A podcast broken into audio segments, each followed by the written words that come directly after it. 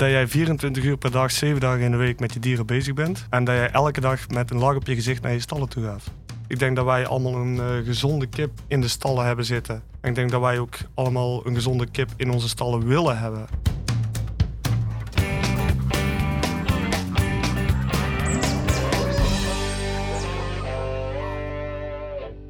Welkom bij de Wie de Boer niet kent podcast. Mijn naam is Jamie Trinité. In deze podcast hebben we het over boeren, dieren en duurzaamheid.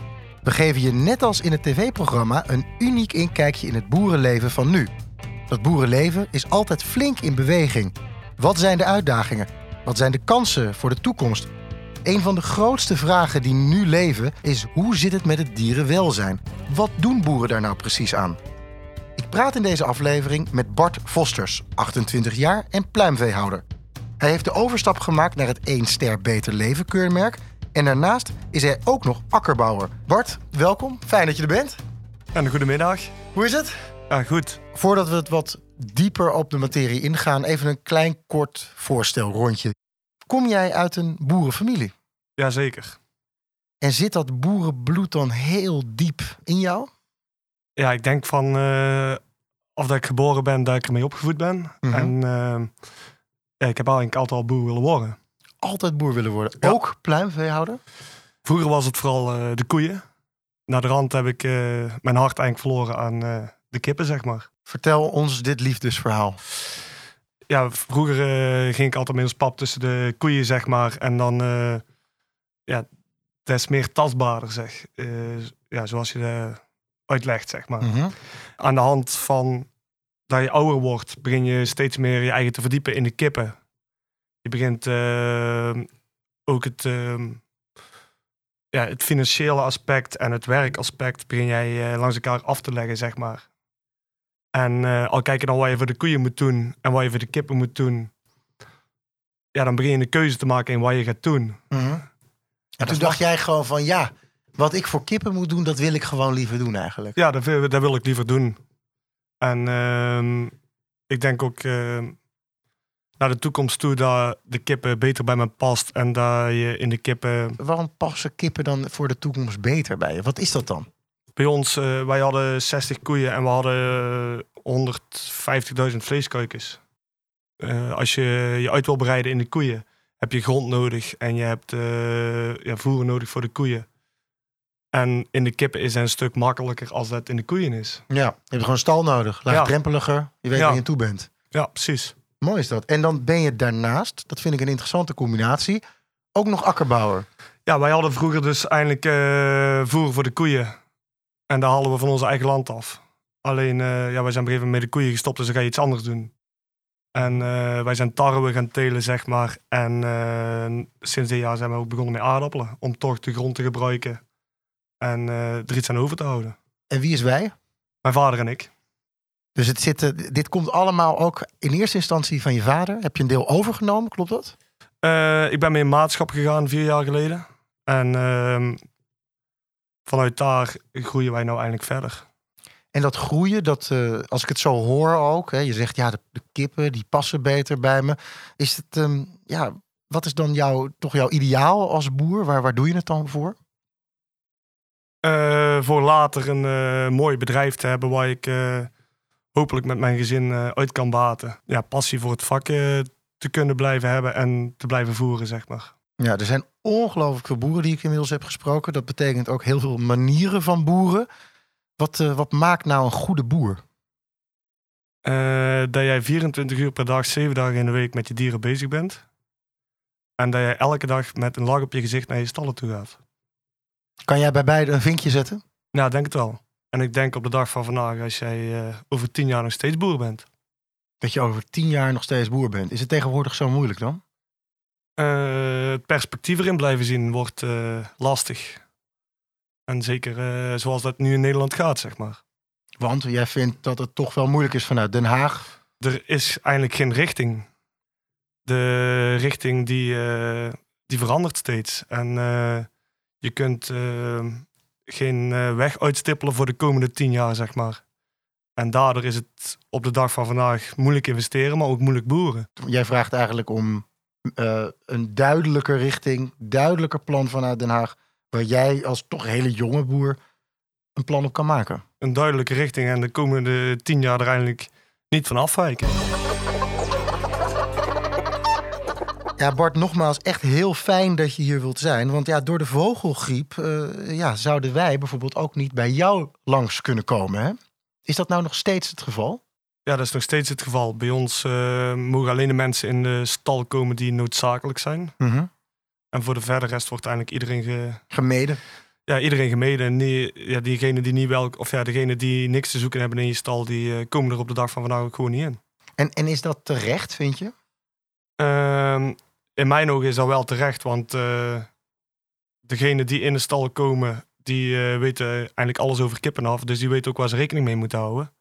En om het zo te zeggen, als een leek bij je in de stal komt, ja, waar is die dag, de dag van tevoren geweest en hoe gaat hij met de hygiënemaatregelen om? Ja, dus ik als leek, wel ongelooflijk geïnteresseerd, moet nog eventjes een tijdje wachten totdat ik een keer bij je langs mag komen. Zoals het er nou uitziet wel, ja. Ja, want uiteindelijk, we praten natuurlijk over iets ontzettend serieus. Ehm, als het misgaat, gaat het heel erg mis. En dat is misschien wel de grootste nachtmerrie die je hebt, hè? Ik denk dat het de grootste nachtmerrie is van iedere boer. Hoe ziet die nachtmerrie er eigenlijk uit? Kan je me uitleggen, als de dieren ziek worden, wat gebeurt er dan eigenlijk? Ehm, ik heb het zelf nog nooit van dichtbij meegemaakt, gelukkig. Uh, in 2003 uh, zijn wij wel uit welzijnsreden uh, geruimd. Omdat wij niet met de kippen naar de stal toe eh, of naar de slachterij toe konden. En over die dag heeft pap, of ja, mijn vader het nog elke dag over. Ja, wat zegt hij erover dan? Dat hij daar nooit meer mee wil maken. Echt vreselijk. Ja. En dat hangt nu al langere tijd heel veel pluimveehouderijen natuurlijk boven het hoofd. Ja, precies. En, ook, en, ook, en hoe leef jij daar dan mee? Want je bent op zich ook jong en je wil innoveren. En je wil er ook niet de hele dag mee bezig zijn. Maar toch ook iets waar je niet voor weg mag lopen. Nee, dat klopt. Maar op dit moment is het uh, voor ons in het zuiden echt uh, in het uh, uiterlijkste puntje van Brabant, zeg maar, nog een redelijke ver van mijn bedshow af. We hebben nog gelukkig niet binnen de 10 kilometer gebieden gezeten. Of we hebben nog niet binnen het 3 kilometer gebied gezeten. Dus wij hebben nog geen maatregelen gehad, zeg maar. Heeft dat ook te maken met de hoeveelheid water die jullie om je heen hebben? Ja, wij zitten gel ja, gelukkig voor ons niet in een waterrijk gebied.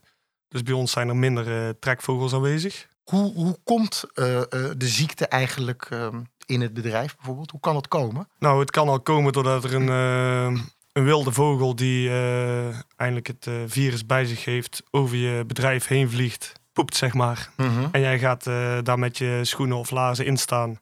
Jij komt bij jouw eigen dieren en jij, jij, jij kunt het zo mee naar binnen nemen.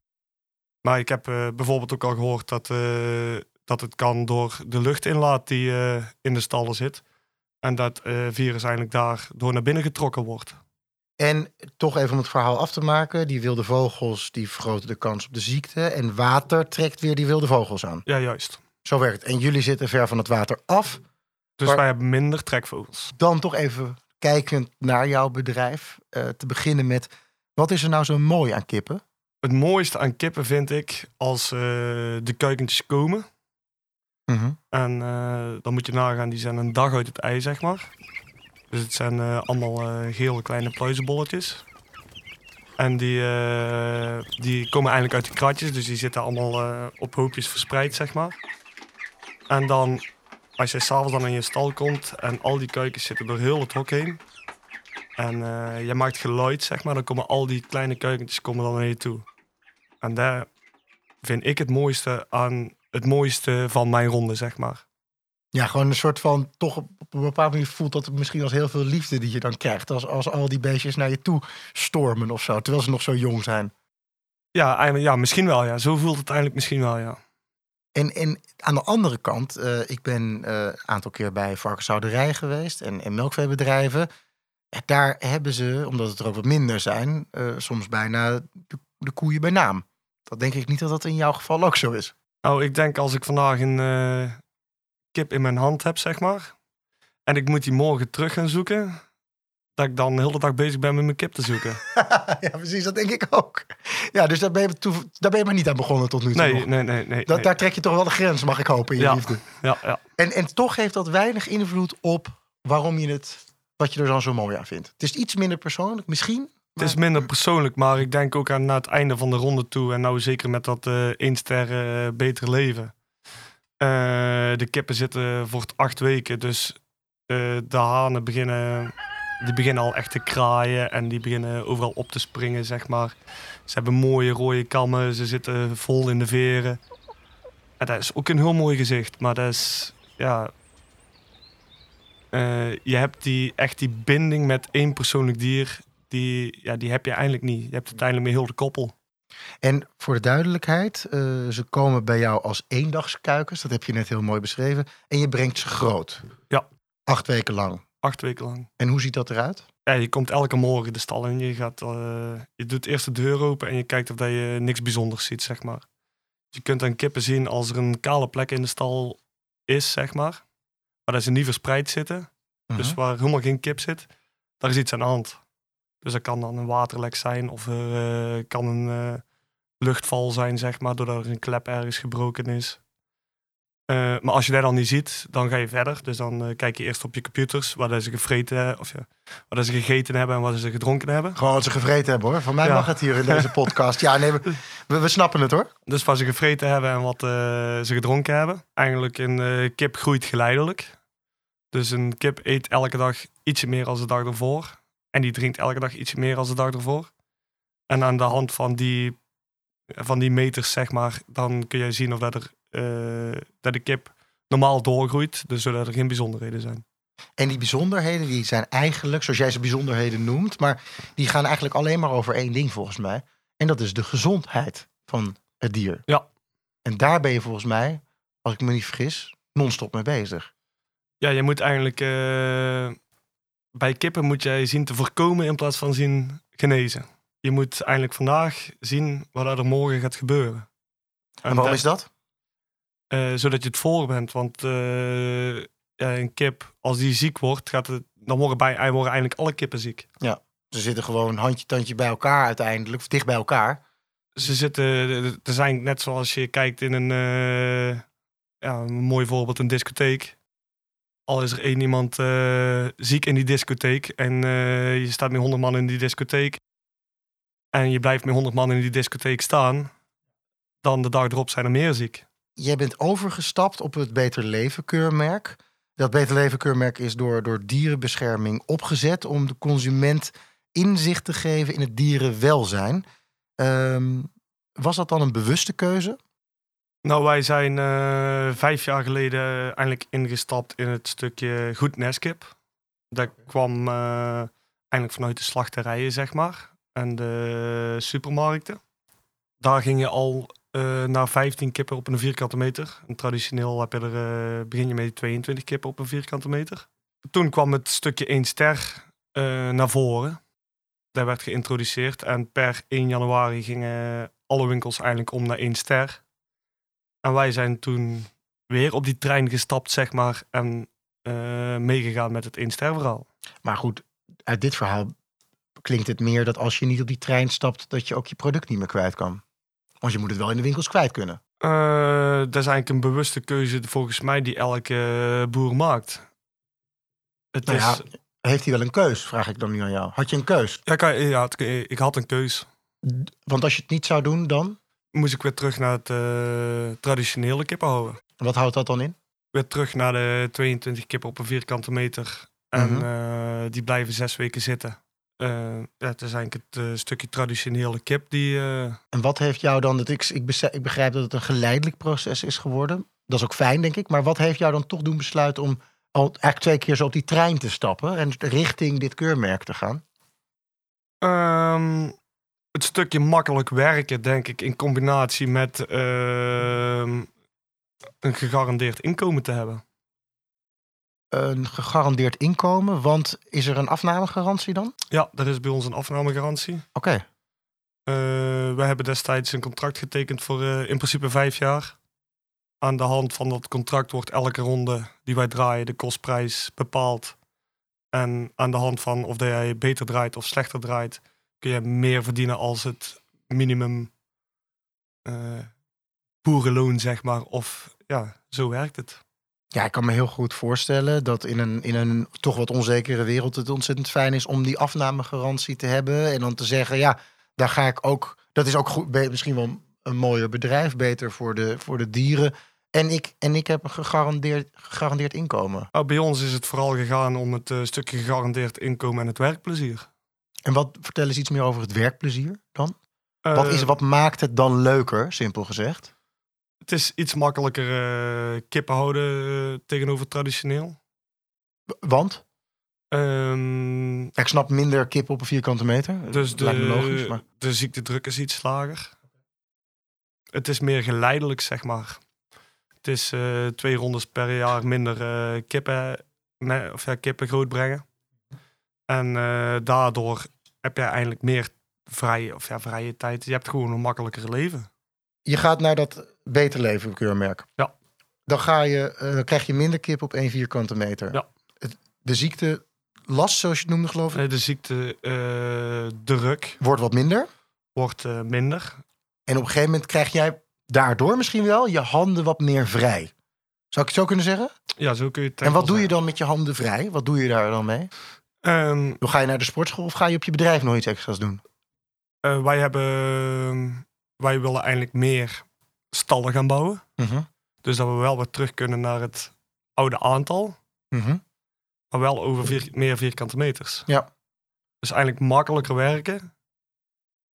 Met meer eh, vierkante meters. Toch is er ehm, best wel wat, zijn er wat misverstanden, hè? ook in jouw sector, over het dierenwelzijn. Kan je me daar een beetje in meenemen, wat daar zo al over wordt gezegd? Ik denk dat wij allemaal een eh, gezonde kip eh, in de stallen hebben zitten. En ik denk dat wij ook allemaal een gezonde kip in onze stallen willen hebben. En dat wij het beste voor onze dieren doen om zo'n eh, goed mogelijk stukje vlees af te leveren. En wat doe je dan zoal voor ze? Want ik kan me voorstellen dat, het, eh, dat er ook bijvoorbeeld eh, stalaanpassingen nodig zijn geweest voor bijvoorbeeld uitloopmogelijkheden. Ja, wij willen thuis bijvoorbeeld ook eh, uitlopen bouwen voor onze kippen. Want dat, wordt, dat is eigenlijk een eis die de dierenbescherming stelt aan het Inster Beter Leven. Mhm. Maar wij hebben nou voor twee jaar ontheffing gekregen eh, om dat te regelen voor onze kippen, zeg maar. Dus dat moet gaan gebeuren in de komende twee jaar.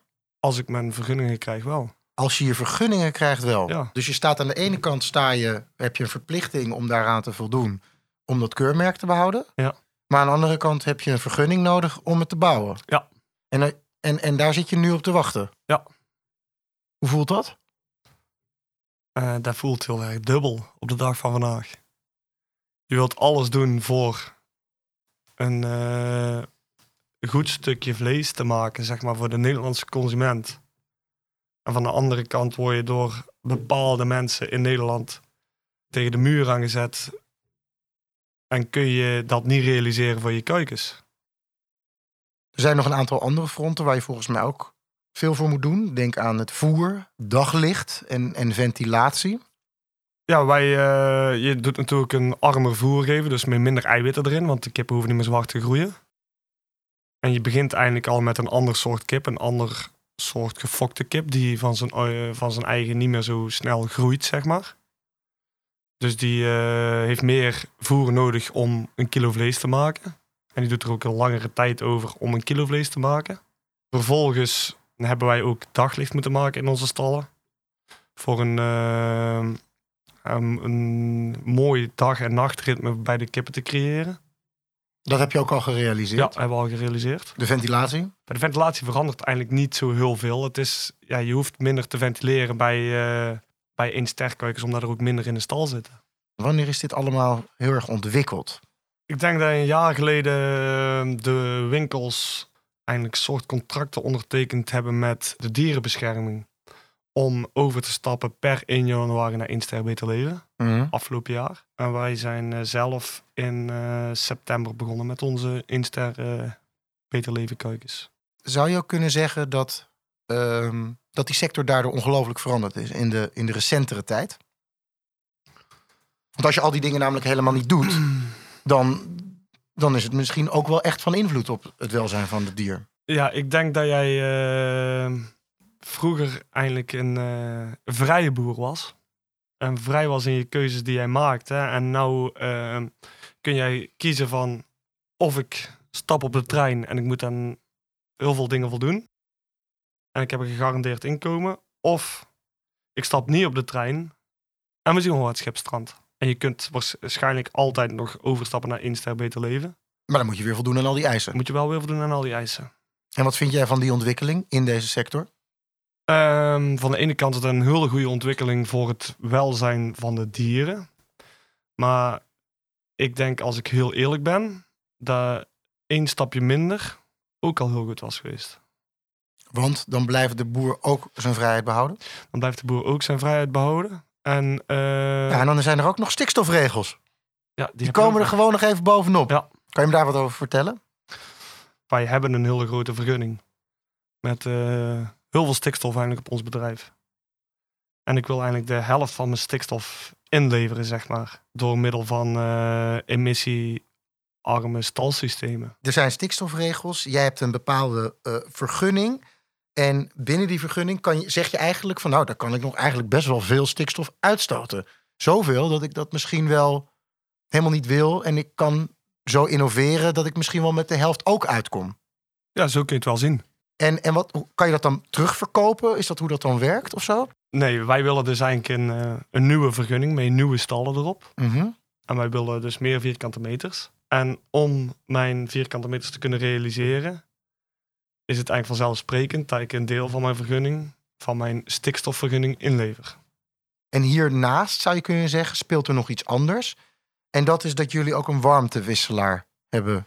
Nou, wij willen door middel van warmtewisselaar die de ammoniak, de stikstof zoals we, of ja, dat is eigenlijk de stikstof, uh, willen wij reduceren tot uh, de helft. En de fijnstof willen wij daarin afvangen.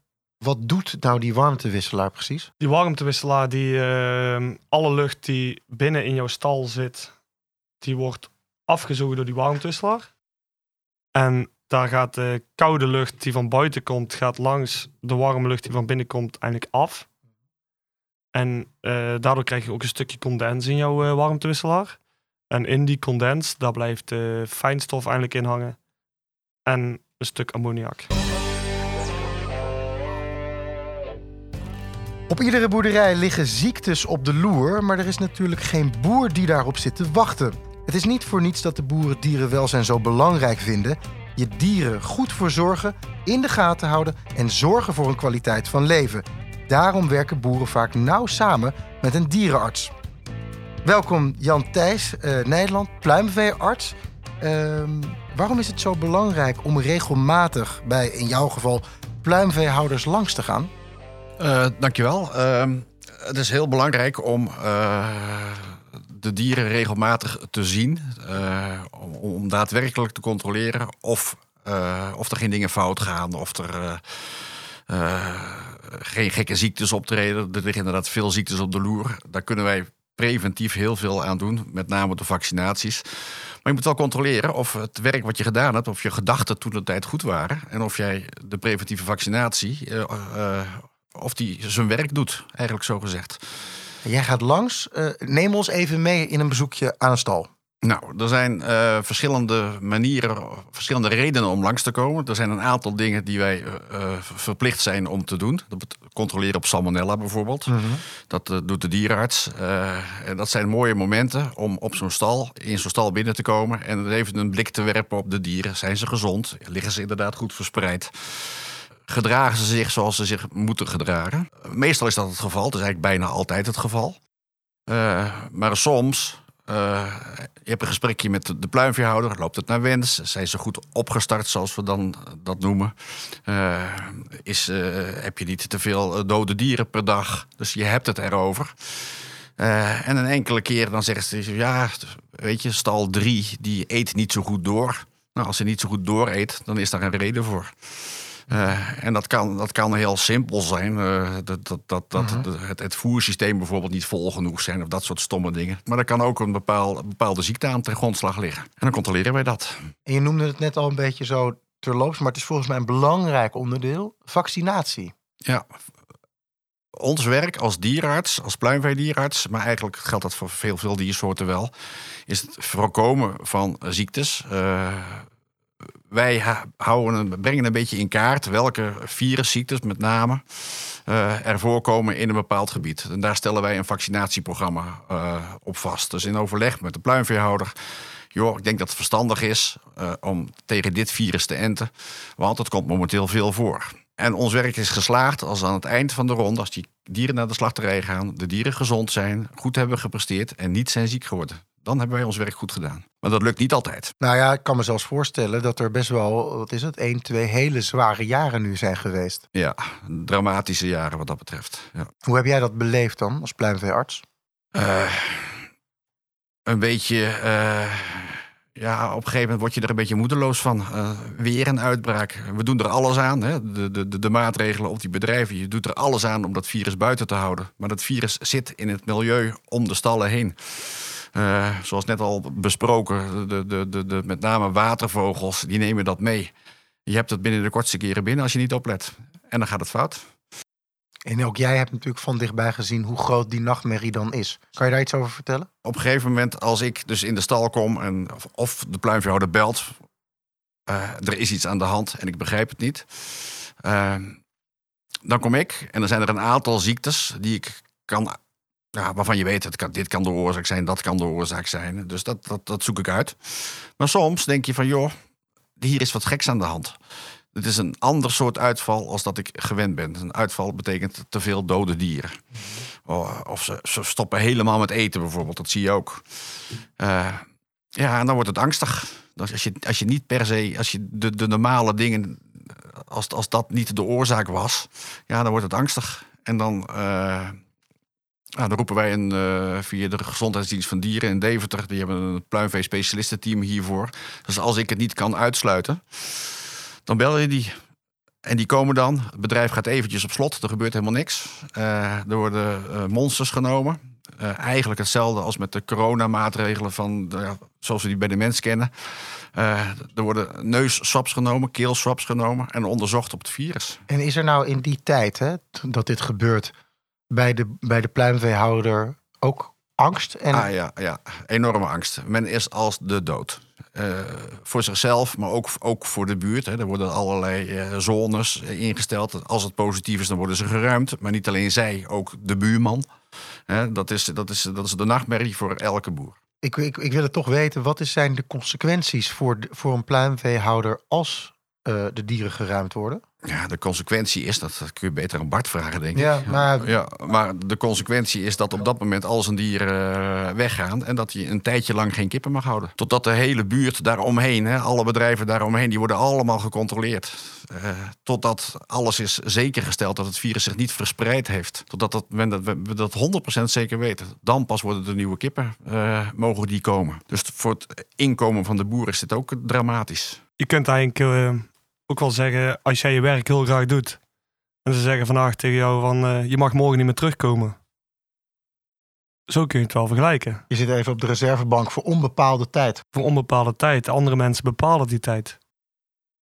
Ja, ik denk dat het ontzettend bijzonder is en belangrijk is voor ons om het wel te benoemen. Want um, ja, ook ik uh, lees vorig jaar vaak weer zoveel kippen geruimd, weer zoveel pluimvee geruimd. En ik weet niet of iedereen maar beseft wat voor leed daar achter zo'n bericht schuil gaat. Hè? Ja, A, de dieren natuurlijk, die, ja. die, die, die uh, ja, allemaal worden afgemaakt. Maar B, uh, wat het zeker zo'n impact heeft, is dat uh, ik merk eigenlijk altijd aan de pluimveehouder, die voelen zich toch op een of andere manier schuldig. Heb ik iets niet goed gedaan? Is het mijn schuld? Is het, terwijl ze er alles aan doen. En ik vertel ze dan ook, en ze weten het eigenlijk ook wel, maar toch is er een bepaalde uh, schaamte, is denk ik niet het woord, maar uh, ja, ze vinden dat echt niet leuk. kijk, dat virus, dat komt van de wilde vogels. Zoals, zoals Bart al zei, er hoeft maar een vogelpoepje op het dak te vallen. En het regent, dat vogelpoepje drupt van het dak af. En doordat de lucht wordt binnengezogen, voor, voor, frisse lucht voor de, voor, voor de kippen, dan trek je maar zo een virusdeeltje mee naar binnen. Dus het is, uh, zolang het in de natuur zit, uh, bestaat altijd de angst: gaat dit goed, gaat het niet goed? Maar is het ook gevaarlijk voor mensen? Nee, absoluut ongevaarlijk voor mensen. Althans, uh, men is wel bang voor ooit een mutatie van het virus, waardoor dat zou kunnen gaan gebeuren. En daarom moeten we dit gewoon goed bestrijden. En Bart, jij hebt ook regelmatig contact hè, met een dierenarts. Ja, bij ons komt eh, de dierenarts eh, meestal twee of drie keer per ronde. Zo één keer in de maand, ietsje meer. Eén keer in de drie weken, meestal eh, met, eh, met het enten op twee weken. Dan een keer op eh, vier weken met eh, vijf weken met bloedprikken. Of dat, je, of dat het dus goed geënt is. Eh, en dan de week daarna misschien nog een keer voor eh salmonella schoentjes te lopen. Of, dat, of ja, jouw kippen vrij zijn van salmonellas. Even een ademmomentje voor jullie beiden. Ik, eh, Bart, wil jou eens even bevragen op jouw kennis buiten jouw eh, sector. Omdat we natuurlijk weten dat jij heel veel verstand hebt van koeien, gaan we jou eens even bevragen op varkens. Weet je iets van varkens? En niet zoveel. Mooi. Goed zo. Gaan we er nu mee beginnen. De eerste vraag. Ze zeggen dat varkens veelvraten zijn. Althans, daar worden ze ook mee vergeleken. Maar hoeveel tijd besteedt een varken per dag nou echt aan eten? Krijg je geen A, B of C? Je krijgt geen A, B of C. Eh, ik kan je misschien alleen op weg helpen dat ik het in minuten wil hebben. Hoeveel minuten per dag? Een wilde gok 35. Dat is fout, maar niet heel erg fout. Je mag, je mag gaan voor meer of minder. En als je die goed hebt, dan keur ik het goed. Minder. Bart, dat is eh, 10 punten voor jou voor de eerste vraag. Het is namelijk 20 minuten. Valt dat mee? Wist jij het toevallig? Nou, ik, ja, dat klinkt heel flauw nu natuurlijk. Ja. Maar ik zou zeggen, twee keer per dag tien minuten. Had je dat gezegd? Dat zou ik gezegd Dan had ik hebben. toch liever deze vraag aan jou willen Dus, stellen. Wat goed zeg. Ehm, dan gaan we door naar de volgende vraag. Ehm, hoeveel uur van de dag is een varken actief? Bart, Weer geen A, B of C? weer geen A, B of C. Ik kan je alleen maar op weg helpen. Ik wil deze, dit antwoord wil ik graag in uren. Poeh, ik heb vroeger wel zo bij een varkensboer stage gelopen, maar eh, dat is toch al meer dan 10 jaar geleden. Maar ik zou dan zeggen 7 uur. Het is dus, ja, kom maar weer fout. Maar weer niet heel erg fout. Dus ik ga je gewoon, je hebt een mazzel. Het is een mazzeldag die je hebt hoor. Ik ga Ja, je of gewoon goed boerenverstand. Ja, oké, goed boerenverstand. maar in jouw goed boerenverstand is dat dan toch weer meer of minder? Dan ga ik voor minder. Dat is goed. Ongelooflijk. Ehm, het is namelijk vijf uur. En de, weet je ook wat ze de overige 19 uur dan willen doen? En waarschijnlijk slapen. Ja, ze willen precies heel erg weinig doen. Ik vind dit toch wel nog een geluidje waard. Ja, dat gaat goed. Dit wist jij natuurlijk ook. Ja, ik had zes uur gezegd. Maar ik weet dat een varken veel slaapt. Dat is wat ik weet. Heerlijk. Een goed leven leidt hij. Ehm, een, eh, zullen we een laatste vraagje doen? Of nou, ik wil even weten, hoe zit het eigenlijk met kippen? Hoe, hoe actief zijn zij? Eh, bij ons hebben de kippen eigenlijk een eh, dag- en een nachtritme. Ze slapen 8 uur en ingesloten. Lekker, dat zou ik ook wel eens willen. Tussendoor ja, geven ze nog ooit een uurtje er tussendoor voor eh, te relaxen, zeg maar. En, en zijn ze ook wel eens actief? Wat doen ze dan zoal? Eh, scharrelen, Mhm. eh, met elkaar spelen. Dus, dat is ook een heel mooi gezicht om te zien. En eten en drinken natuurlijk. Ja, een beetje een ritme wat ik ook wel lekker zou vinden eigenlijk. Laatste vraag. Ehm, een kip doet er dik een etmaal over om een ei te leggen. Hoe lang is een varken dan drachtig? Drie dagen, drie weken en drie maanden.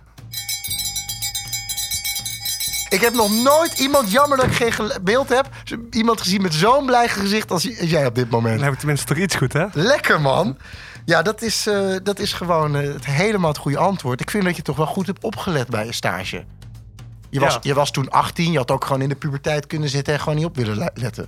Ik wou eigenlijk liever naar een koeienboer die ook varkens had, zodat ik bij de koeien kon eh, stage lopen. Maar ja, ik moest toch iets weten over varkens. Je moest iets weten over varkens en dat komt je dan nu hier in deze podcast van pas. Ja, dat zie je wel. Lekker hè? Ja Bart, we hebben het over dierenwelzijn. Je hebt ruimte gecreëerd voor jouw kippen. Ze hebben de ruimte, maar je zou ook wel willen uitbreiden. En een overdekte uitloop willen maken. Maar na, volgens mij, zeven jaar is de vergunning nog steeds niet rond. Hè? Klopt dat? Nee, dat klopt. En hoe is dat dan? Dat je al zeven jaar daarmee bezig bent. We hebben het al eerder over gehad. Op zich wel met de juiste ideeën en de juiste intentie volgens mij. Eh, ja, wij zijn eerst eigenlijk uh, wou wij uitbreiden voor onze goed nestkippen. Mhm. En nou willen we uitbreiden voor onze eensterkippen. En om het zo te zeggen, dat is heel frustrerend.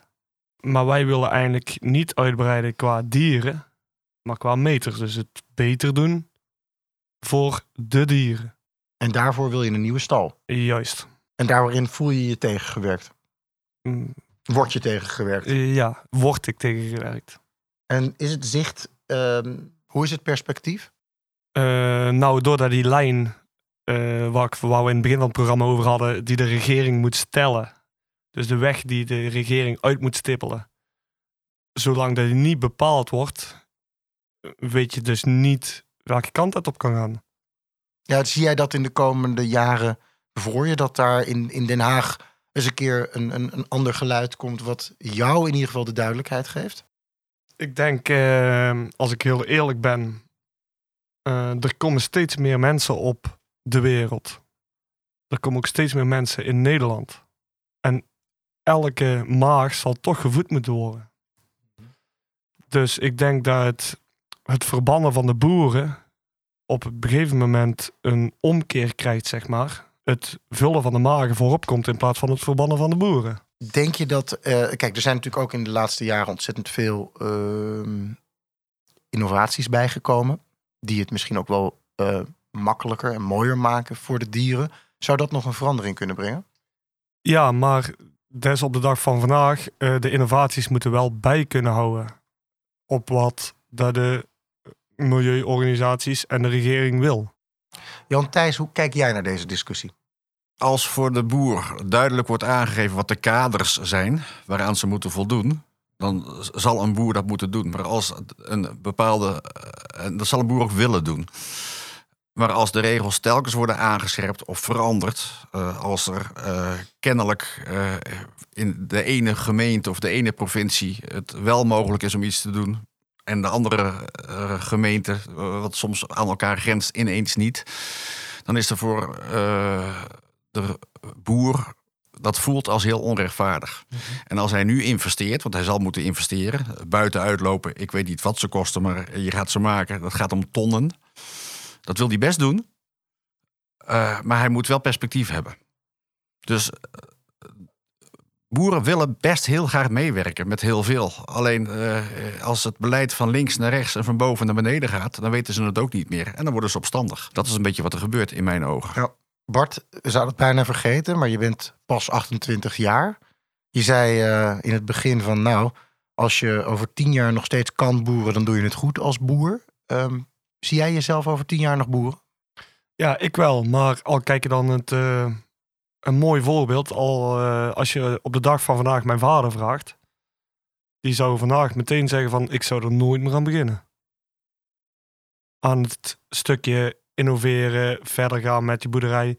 Die zou het uitboeren en dan zou je klaar mee zijn. Want met de, regel, met de wet en regelgeving hebben we... Eh, hoe moet je dat zeggen? De oudere generatie het moeilijker mee als de jonge generatie. Want wij zijn ermee opgevoed. Met die wet en regelgeving. Dat we begot niet weten waar we daar aan toe zijn. Nee, eigenlijk went het nooit, zou je kunnen zeggen. Nee. En ehm, ja, je blijft aan de ene kant natuurlijk heel erg je hart volgen. Zeker natuurlijk ook met de kippen. Hoe zie je de toekomst? Hoe zie ik de toekomst voor me? Het is eh, dat ik heimwee heb naar eh, ons thuisadres, zeg maar. Anders was ik misschien al lang in het buitenland gegaan. Je bent gewoon bang om te gaan, want je, je houdt te veel van waar je woont. Juist. En te veel van eh, mijn locatie, zeg maar. Van mijn boerderij. Is het in het buitenland dan beter? Eh, daar is het anders. eh, is het daar beter voor de boeren? Ja, ik denk dat de boer daar meer gewaardeerd wordt als het hier in Nederland gewaardeerd wordt. Laten we hopen dat dat in de komende jaren gaat veranderen. Dat de De- boer weer heel erg gewaardeerd wordt. Ik denk dat elke boer dat hoopt, ja. Mannen, ik dank jullie ongelooflijk voor jullie komst. Ik vond het een heel erg mooi gesprek. Ik eh, wist weinig van het pluimvee en daar ben ik eh, in een korte masterclass, kan ik zeggen, erg in bijgespijkerd. Dus dank jullie wel. Graag gedaan. En ik dank jullie voor het luisteren. Beluister ook de andere podcasts en kijk ook naar ons televisieprogramma en leer nog meer boeren kennen.